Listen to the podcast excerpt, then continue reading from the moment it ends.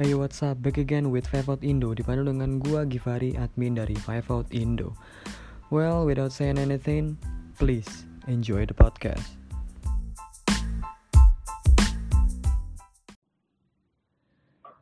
Oke, selamat malam, selamat mendengarkan podcast mingguannya Five Out Indo. Bersama, seperti biasa, gua lagi, Givari, dan Firza lagi Firza. Firza lagi karena rata-rata narasumbernya kalau nggak dari gue ya Firza doang gitu Hmm. sebenarnya ada iya sebenarnya Hmm. ada beberapa banyak banyak cuman lagi pada sibuk aja jadi mau nggak mau ya gue sama Firza aja lagi Iya. jadi sebenarnya ini kita mau bahas apa sih ini Fir Kita mau bahas siapa the next LeBron. oh asik nih pembahasannya agak berat nih sebenarnya nih Iya, agak berat nih. nih kalau gue boleh tanya menurut lu the next LeBron itu siapa sih Kandidatnya dulu siapa dulu nih? Oke, kalau gua kalau gua pribadi kandidat kandidatnya itu ada Giannis sudah pasti. Terus ada Anthony Davis, ada James Harden dan the one and only Kawhi Leonard. Ya, sama kayak gue berarti. Ya, jadi langsung ke topiknya kita ya, Yo, poinnya. langsung ke topik aja. Jadi kalau menurut gue tuh the next LeBron tuh Giannis. Kenapa bisa dibilang seperti itu tuh? Nah, kalau menurut menurut gue tuh karena Giannis tuh dia bisa nge-carry timnya yang berat gitu. Udah gitu dia mainnya kan dari segi bag, dari segi big man-nya kan dia dapat playmaking-nya, shoot-nya itu bagus tapi eh gimana ya? Aduh, maaf guys motor. Ambil ambil napas dulu, ambil napas, ambil napas dulu. Ini ada motor di bangsa. Duh. Toxic sekali Anda ya. ini jadi mainnya tuh emang Giannis tuh bagus. Dia juga dari big, segi big man-nya begitu dia playmaking-nya ada, terus rebound-nya juga bagus. Oke gitu dah. Bagus. Berarti itu opini lo Ya. gitu. Masih ada lagi tadi bingung gue lupa. Bingung dan lupa. Iya, oke. Terima kasih. Kalau menurut lu siapa dan alasannya kenapa? Kalau menurut gua, siapa itu the next LeBron adalah Kawhi Leonard. Emang kenapa tuh? Oh ya, alasan gua adalah ya gimana ya dia adalah tipikal pemain yang bisa membuat seorang LeBron kewalahan untuk menjaga offense-nya dia gitu. Terus Hmm. juga membuat seorang LeBron tuh eh, apa namanya ini apa every time dia masuk ke lapangan tuh LeBron pasti entah itu geleng-geleng kepala, entah itu menghentak diri sendiri begitu jadi maksud gue tuh ada sisi di mana maksudnya sisi dari Kawhi itu yang ngebikin LeBron tuh anjir nih orang tuh susah untuk untuk dilawan tuh susah sebenarnya. Ya walaupun dari segi dari segi stats terus dari segi eh, ring juga masih kalah gitu kan. Cuman ya akan gitu akan akan menggantikan seorang LeBron gitu. Iya, tapi iya, kan iya. masih mungkin masih mungkin. Mungkin. masih mungkin. Karena sebenarnya kita nggak tahu nih siapa tahu kan penggantinya LeBron atau eh, apa namanya bisa jadi Anthony Davis atau nggak James Harden ataupun bisa dari di luar kandidat yang kita pilih tadi gitu kan. Iya, iya. Makanya kita tunggu aja masa maka iya makanya kita tunggu aja. yang main terbaik. akan terbukti saat nanti LeBron pensiun. Dan di situ bakal ketahuan tuh kandidat-kandidat yang kita pilih. Bener nggak tuh? Maksudnya eh, layak nggak tuh untuk menjadi the next LeBron gitu? Karena kan kalau yang kita tahu dari Jordan itu ke Kobe gitu kan. Dari Kobe terus ke LeBron. Nah dari LeBron Iya. ini sebenarnya buat gua ada maksudnya belum ada pemain yang bisa apa ya belum ada pemain yang bisa kayak mendekati mendekati LeBron gitu ya. Walaupun yang tadi gue bilang Kawhi ya yang bisa ngebuat LeBron tuh susah. Dalam segi permainan tuh susah gitu. Cuman bisa dilihat nanti aja sih menurut gue tuh gitu Iya, iya, bisa, bisa. tapi menurut lu menurut lu kenapa seorang James Harden atau apa namanya Anthony Davis tuh belum bisa untuk menjadi the next LeBron gitu kalau menurut gua ya, ya gua lebih percaya gitu terhadap Janis karena kan Janis dengan umurnya masih 25 tahun dia udah bisa menjadi ri- rivalnya LeBron James tuh keren banget cuy. iya sih Gitu, bisa di- dijadikan alasan yang kuat itu sebenarnya cuman entah kenapa ya gue walaupun gue milik Kawhi gitu. Tapi ada ada beberapa statement yang berpikir gue tuh kayaknya James Harden bisa nih untuk menggantikan LeBron. Masih kayaknya ya masih kayaknya. Maksudnya belum Kayaknya. belum menjadi kandidat terkuat gitu. Cuman gue tuh masih kayaknya aja. Karena ya walaupun seangkatan juga kan dia sama LeBron gitu Ya. si James Harden ini nih.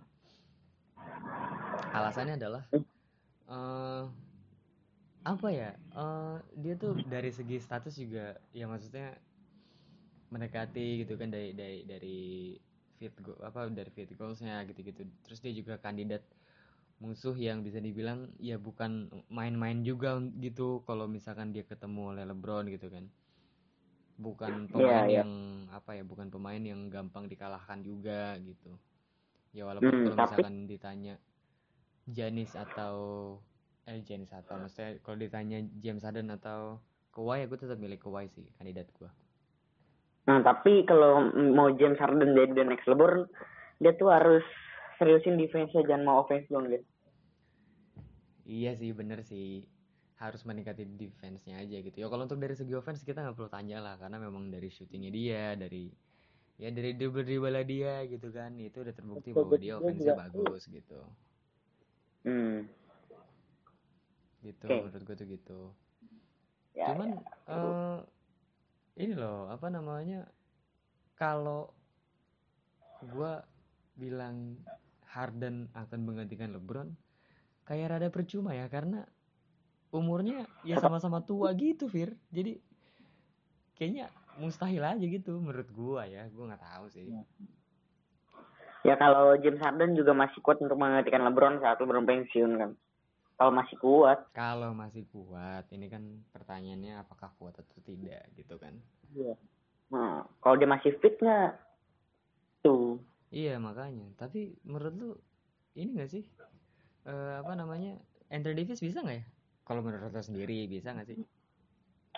Menurut gua, gua belum tahu dah tuh. Gua kurang ini ya terhadap Anthony bukannya gua ini. Tapi kurang ikutin dia aja gitu gua. Mungkin gua belum tahu dah. Ya maksudnya gimana ya? Eh Anthony Davis itu dia dia lebih muda dari LeBron kalau nggak salah ya. Dia tuh lebih muda dari LeBron kan? Jauh cuy.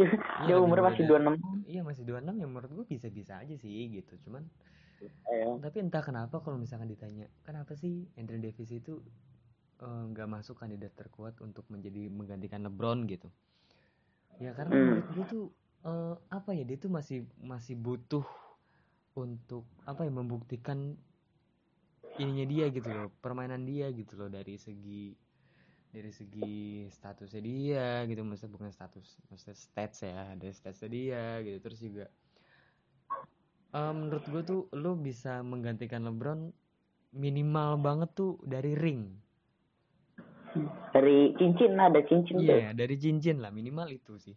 Menurut gua lu kalau misalnya mau menggantikan LeBron walaupun stats lu jelek, tapi kalau ring lu di atas LeBron ya gua gua akuin bisa lu, bisa untuk menggantikan LeBron gitu. Udah gitu kan dari kandidat yang kita maksudnya yang yang gue bilang tadi ya, kandidat tadi kayak Anthony Davis, Giannis, James Harden sama Kawhi Leonard. Ya mereka juga mempunyai ambisi-ambisi yang hampir sama dengan LeBron gitu loh. Hmm, tapi walaupun Kawhi itu dia tipe, tipe orangnya tapi yang santai tapi di- mungkinnya yang tadi lu bilang dia bisa aja. Iya dia bisa aja sih ya walaupun eh gue sih ngeliat dia tuh mempunyai ambisi untuk apa ya untuk ya dinasti dia sendiri juga sih gitu kayak dia tuh kayak nggak mau untuk dibilang the next LeBron pun nggak mau cuman gue gue yakin dia akan sih akan bisa menggantikan siapa itu the next LeBron kandidat kuat gitu loh Iya ya. jadi gitu maksud Ya. gue. siapa the next LeBron ya Kawhi gitu Ya. cuman ya belum tentu Iya. juga gitu kan Tapi harus ini dulu dia. Kalau misalnya kan tadi kan lu jagoin siapa tuh jagoin Kawhi gue jagoin Giannis tuh Hmm. harus kita lihat dulu. Ntar kalau dia pas berdua ri- jadi rival siapa yang akan menang tuh baru kita lihat. Kalau pas LeBron udah pen pensiun ya. Oh berarti secara tidak langsung pada saat LeBron pensiun terus ada match di antara di antara Kawhi sama Giannis. Itu kita lihat tuh dari segi permainannya, dari segi apa pun itu pokoknya misalkan Giannis menang berarti Giannis yang menjadi the next LeBron gitu. Bukan jadi kita lihat dari statistiknya juga itu loh. Oke oke oke oke. Ya bisa bisa bisa bisa. Berarti hanya lihat dari status bukan untuk dari Jinjin? Ah gimana gimana? Ya berarti lu berasumsi bahwa di antara misalkan nih tadi kan gue bilang gue menjagokan Kawhi iya. Lu Giannis. Terus mereka bertemu nih bertemu di match. Hmm. berarti eh, lu berasumsi kalau misalkan eh, statistik Giannis misalnya lebih bagus dari Kawhi tapi dia nggak punya cincin berarti dia bisa menjadi the next LeBron gitu? Bukan gitu juga maksudnya dari segala semua tapi gua nggak mau nyebutin semua apa juga nggak apa berarti dari segala aspek lah intinya gitulah ya. Ya tapi cuma satu doang yang buat contoh gitu buat contoh. Hmm ya benar-benar. Bisa jadi bisa jadi. Hmm. Bisa jadi udah kayak itu ya udah kayak program TV itulah tuh ada. Bisa jadi bisa jadi. Iya gitu. Jadi, cuman dia Iya. bener sih kalau nggak ya gue juga sebenarnya kalau ngeliat Giannis ya dia bisa sih menjadi the next LeBron cuman belum lah belum belum ada pembuktian gitu. Hmm. belum ada pembuktian aja tapi bisa ya bisa. Cuman belum ada pembuktian doang. Ya, tapi menurut gua dia mendingan melakukan trade request gitu. Dia pindah ke tim yang lebih bagus daripada Bucks. Itu sayang banget karirnya menurut gua mah. Buset ya ya sebenarnya kalau kalau Giannis stay di Bucks eh ya bisa-bisa aja sih. Asal ada pemain pemain yang benar-benar mau ngebangun juga gitu bareng sama Giannis. Karena kan yang kalau yang kita tahu Bucks itu kan dibangun oleh Giannis sendiri mereka bersembunyi di belakang Giannis gitu hitungannya kayak minta carry doang gitu carry Iya, kayak carry minta gitu. carry. Salah satu caranya adalah pada saat Giannis stay di eh, Bucks, datenginlah pemain gitu. Kayak Danny Green gitu kan diambil, ya nggak mungkin juga sih, nggak mungkin mereka ngambil Danny Green gitu. Maksudnya adalah pemain-pemain yang dibeli oleh Bucks untuk yang ngebangun Bucks tuh lebih bagus lagi gitu. Karena kalau sayang juga. misalkan Giannis doang, ya kesian Giannisnya juga gitu. Giannis juga dia capek bener kan gitu harus ngejar ngejar ini kan ngejar kemenangan tapi timnya cuma bersembunyi doang di belakang itu kasian Nah iya itu dia maksud gue tuh maksudnya beban sem- semuanya tuh beban di Giannis gitu loh dari Hmm. segi mainnya dari segi offense defense dari segi poin segala macem. Ya maksudnya ya ada gitu kayak Chris Middleton, Brook Lopez, Eric Bledsoe gitu kan. Cuman yang tidak terlalu ini tidak terlalu apa ya tidak terlalu peran berperan banget gitu di Bucks. Maksudnya ya di mereka mainnya main gitu. Cuman peran yang selalu dilihat di Giannis gitu. Orang tahu kalau misalkan di Bucks ya Giannis ya Giannis Giannis deh Giannis udah jarang orang bilang tuh Chris Middleton gitu jarang. Jarang. Jarang makanya gue bilang kalau misalkan Giannis mau menjadi the next LeBron ya dia harus ngebuat tim aja gitu. Yang ngebuat tim jadi OP gitu. Mm-mm, jadi Oh, ya OP walaupun tapi buktiin lah lu bisa sampai ke final kalau enggak conference final. Tuh. Iya benar benar benar eh tapi Dan di, kayak- 2000 di 2019 kan udah conference final iya iya sih oh iya ya ya sampai final lah gitu minimal ya Iya minimal ya sampai final gitu. Ya kan 2019 kan di conference final lawan Raptors kan tuh gara-gara Kawhi kalah nangis ya. Eh nggak nangis juga sih. nangis tuh mah Joel Embiid yang nangis Jual ember yang nangis yang bener. kasian bener gue kalau ngeliat kalahnya itu Iya memang. Memang. Giannis tuh yang, yang itu kan. Cuman ya begitulah. Harus bisa membuat tim lah gitu. Harus bisa kayak membuat top 5 gitu. iya Top 5 atau enggak top 3 atau enggak big duo gitu atau enggak big 3 gitu. Ya gitu-gitu aja. Minimal tuh Hmm. ngebangun bersama oleh Giannis gitu. Jangan Giannis sendiri gitu. Iya, tapi kalau menurut lu posisi apa sih yang harus dilengkapin sama Bucks itu? Well, eh kalau dari Bucks apa posisi yang bukan dilengkapi ya maksudnya untuk diganti ya? Ya bener, bener juga sih dilengkapi gitu, cuman eh posisi mereka itu butuh center cuy sumpah butuh center Ya, center cuma Brook Lopez sama Rob itu siapa sih? Sama saudaranya ya? iya mas saudaranya itu maksudnya ya maksudnya Brook Lopez ju- ya juga bagus sih cuman butuh yang lebih dari Brook Lopez gitu menurut gua Iya, iya, iya. Butuh yang lebih dari itu gitu atau enggak minimal jam terbangnya yang lebih dari Brook Lopez lah gitu nggak yang Iya, stay iya. stay di situ aja gitu menurut gua Hmm, hmm. Benar-benar bisa bisa. Iya gitu ya walaupun eh, ini kita balik ke Giannis ya ya walaupun kalau misalkan Giannis mau stay mau apa mau tetap stay di Bucks terus dia mau benar-benar nge-build timnya sendiri ya kita lihat aja kayak LeBron di tahun 2006 eh 2006 2007 ya yang dia benar-benar masih zaman zamannya dia rookie terus dia ke final walaupun dia habis ya apa di di swipe habis-habisan sama Spurs kan tuh 4-0 ya Iya. maksudnya ya Hmm. di situ LeBron membuktikan bahwa ya gue rookie gue bisa membawa membawa tim gue ke final gitu ya walaupun di Cavs itu 2000 2007 2007 eh kayak 2006 apa 2007 tuh belum ada siapa-siapa itu di Cavs maksudnya baru LeBron doang LeBron doang. tapi ya bisa gitu di, di apa LeBron ngebawa ke final ya bisa gitu menurut gua Iya. itu udah menjadi pembuktian sih Pak LeBron tuh bahwa dia tuh nggak main-main aja gitu kan bukan tipikal roster yang apa sih bukan tipikal superstars yang ece-ece gitu Ya, kerja keras juga dia. iya kerja keras juga ya menurut Satu tim. gitu Ya, setuju, setuju. ya minimal itulah ada pembuktian-pembuktian yang membuat orang tuh shock gitu loh yang bahwa oh oke ini ini orang jago gitu ya walaupun banyak orang bilang ya Janis jago memang jago jago dia Jago banget malah. cuman ada jago tuh yang apa ya kata jagonya tuh kayak kurang gitu loh kayak ya dia sekedar sekedar jago aja bukan jago dalam segi tim dari segi apa pun itulah yang kurang-kurang dari Hmm. kata-kata jago tuh jadi tuh harus ada Harus Harus- melengkapi ya. Iya bisa harus udah aja main gitu harus bener kata lo harus melengkapi gitu menurut gua Hmm. Jadi begitu ringkasan di The Next LeBron. Siapa The Next Oh. LeBron?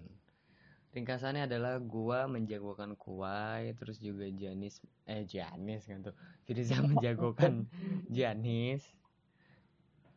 Tetap aja harus ada beberapa banyak aspek pembuktian yang dilakukan oleh roster-rosters di luar sana gitu. Di luar sana yang berambisi untuk menjadi The Next LeBron gitu Iya.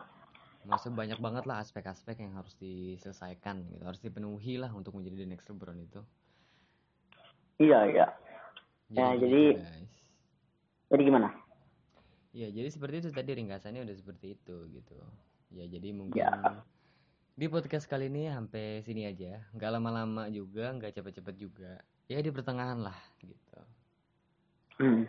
jadi sampai situ aja. Gua undur diri Firza juga undur diri. Sampai bertemu di podcast selanjutnya. See ya